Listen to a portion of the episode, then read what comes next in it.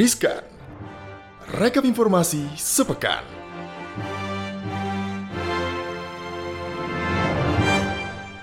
Halo Sobat Cuan, hari ini tanggal 30 Oktober 2020 ya. Sebentar lagi berganti bulan, tapi kita tetap harus mengupdate dulu nih. Apa aja sih informasi sepekan ini dari hari Senin tanggal 26 Oktober 2020 Yang layak untuk kita tahu nih Sobat Cuan ya? Karena sekarang kita ada di segmen Riskan, Rekap Informasi Sepekan Nah, berita pertama ini datang dari dalam negeri nih Sobat Cuannya tentang program dana pensiun PNS yang katanya bakal direformasi atau dirombak abis-abisan nih. Jadi pemerintah melalui Kementerian Keuangan ini bilang kalau reformasi program dana pensiun ini lagi dipersiapkan sama pemerintah. Dengan adanya reformasi ini, program pensiun ini diharapkan dapat memberikan peran yang signifikan pada perkembangan industri keuangan di Indonesia. Karena kata Direktur Jenderal Anggaran Kemenkeu Askolani, dia bilang kalau industri aset dana pensiun ini terus tumbuh setiap tahunnya. Ini tahun 2014 aja aset dana pensiun itu sebesar 561 triliun rupiah dan terus meningkat sampai di 2017 itu sekitar 834 triliun rupiah itu di 2017 ya. Apa kabar sekarang di 2020 kayaknya uh, lebih berkembang lagi gitu aset dana pensiunnya. Nah sayangnya lagi nih kata Pak Askolani, dana pensiun ini enggak memegang peranan yang signifikan pada perkembangan industri keuangan Indonesia. Padahal kan jumlahnya tadi besar banget gitu ya. Jadi sistem perbankan ini masih mendominasi industri keuangan Indonesia dengan porsi 78%. Jadi dana pensiun ini 78 persennya ada di perbankan gitu. Jadi alangkah lebih baik kalau dana pensiun yang sebesar itu juga didistribusikan atau ditempatkan di produk-produk keuangan lainnya gitu yang returnnya juga mungkin akan lebih tinggi gitu. Jadi dana pensiun itu nih kalau di total tuh cuma 2,5% dari total aset sektor finansial ya. Ukuran industri dana pensiun Indonesia dari total aset dana pensiun terhadap PDB ini juga masih jauh tertinggal banget kalau dibandingin sama negara-negara lainnya di Asia Tenggara gitu. Jadi saat ini seperti yang kita tahu ada tiga lembaga besar yang mengelola dana pensiun di Indonesia, yaitu kalau untuk PNS ini PT Taspen. Kemudian kalau untuk ini ya pensiunan tentara dan polisi juga ASN di Kementerian Pertahanan itu dikelola oleh PT Asabri. Nah kalau untuk kita kita nih yang karyawan ini ya swasta gitu ya atau pekerja formal yang bukan PNS gitu itu di uh, dikelolanya sama BPJS Ketenaga Kerjaan. Nah, nanti apakah akan ada lembaga baru atau bagaimana atau alokasi dananya yang ditempatkan ke sektor lain selain sektor perbankan kita tunggu aja deh ya bagaimana rencana pemerintah mereformasi dana pensiun yang jumlahnya cukup besar itu tadi. Nah, berita kedua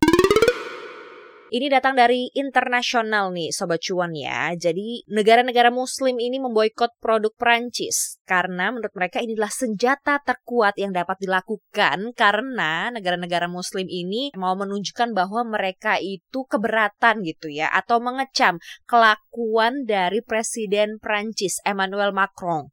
Nah, jadi hampir seluruh negara di Arab ya, negara-negara di Timur Tengah dan negara-negara muslim ini menyerukan untuk memboikot produk-produk dari Perancis. Bahkan Presiden Turki Recep Tayyip Erdogan ini meminta warganya enggak beli barang dari negara Perancis gitu. Ini karena sebelumnya Emmanuel Macron ini emang sudah memicu kontroversi sejak awal September nih. Ketika itu uh, Emmanuel Macron ini mengajukan undang-undang untuk separatisme Islam di Perancis gitu. Juga uh, Emmanuel Macron ini sempat bilang bahwa Islam adalah agama yang sedang mengalami krisis di seluruh dunia. Nah, karenanya nih pemerintahan Emmanuel Macron ini akan mengajukan rancangan undang-undang pada bulan Desember nanti untuk memperkuat undang-undang tahun 1905 yang secara resmi memisahkan gereja dan negara di Perancis atau tentang sekularisme gitu ya, sekularitas di Perancis gitu. Nah, pernyataan si Emmanuel Macron itu ya yang tadi yang Islam adalah agama yang sedang mengalami krisis di seluruh dunia ini otomatis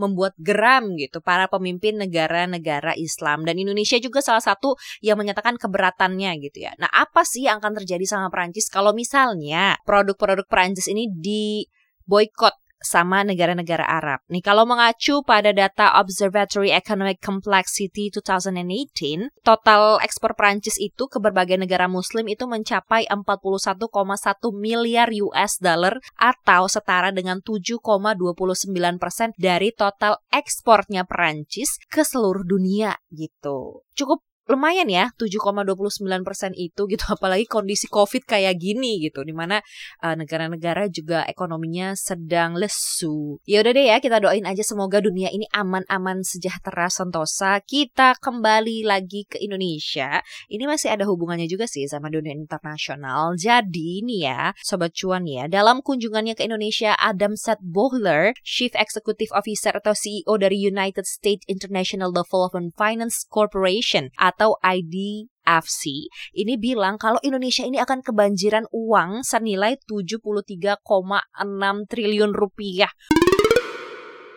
Waduh, itu dari mana gitu ya? Jadi Adam Bohler tuh bilang kalau Indonesia nih memungkinkan untuk dapat investasi sebesar 5 miliar US dollar atau tadi yang seperti Alin bilang ya 73,6 triliun rupiah dari perusahaan swasta Amerika Serikat. Itu yang diungkap Bohler dalam wawancara eksklusifnya dengan CNBC Indonesia ya Sobat Cuan tanggal 28 Oktober lalu. Nah menurut Bohler ini ya uh, sekarang tugasnya si Bohler ini gitu bekerja sama dengan Sovereign Wealth Fund atau SWF atau lembaga pengelola investasi dana abadi Indonesia ini akan dibentuk gitu setelah adanya peraturan pemerintah turunan dari Undang-Undang Cipta Kerja terkait. Nah, lebih lanjut Adam Bohler juga bilang kalau Indonesia ini sebenarnya memiliki tingkat pertumbuhan ekonomi yang hebat dan ini bisa menjadi peluang yang sempurna untuk meningkatkan perekonomian Indonesia dan itu pula yang membuat banyak investor dari Amerika Serikat menilai bahwa kalau berinvestasi di Indonesia ini akan sangat menjanjikan gitu kata Adam Bohler. Itu tadi berita baiknya ya Sobat Cuan ya, bahwa negara kita mungkin akan kebanjiran investor dari Amerika Serikat. Tapi ini ada berita yang kayaknya agak kurang menyenangkan gitu. Jadi, ini gara-gara investasi bodong, investor di Indonesia itu tekor 92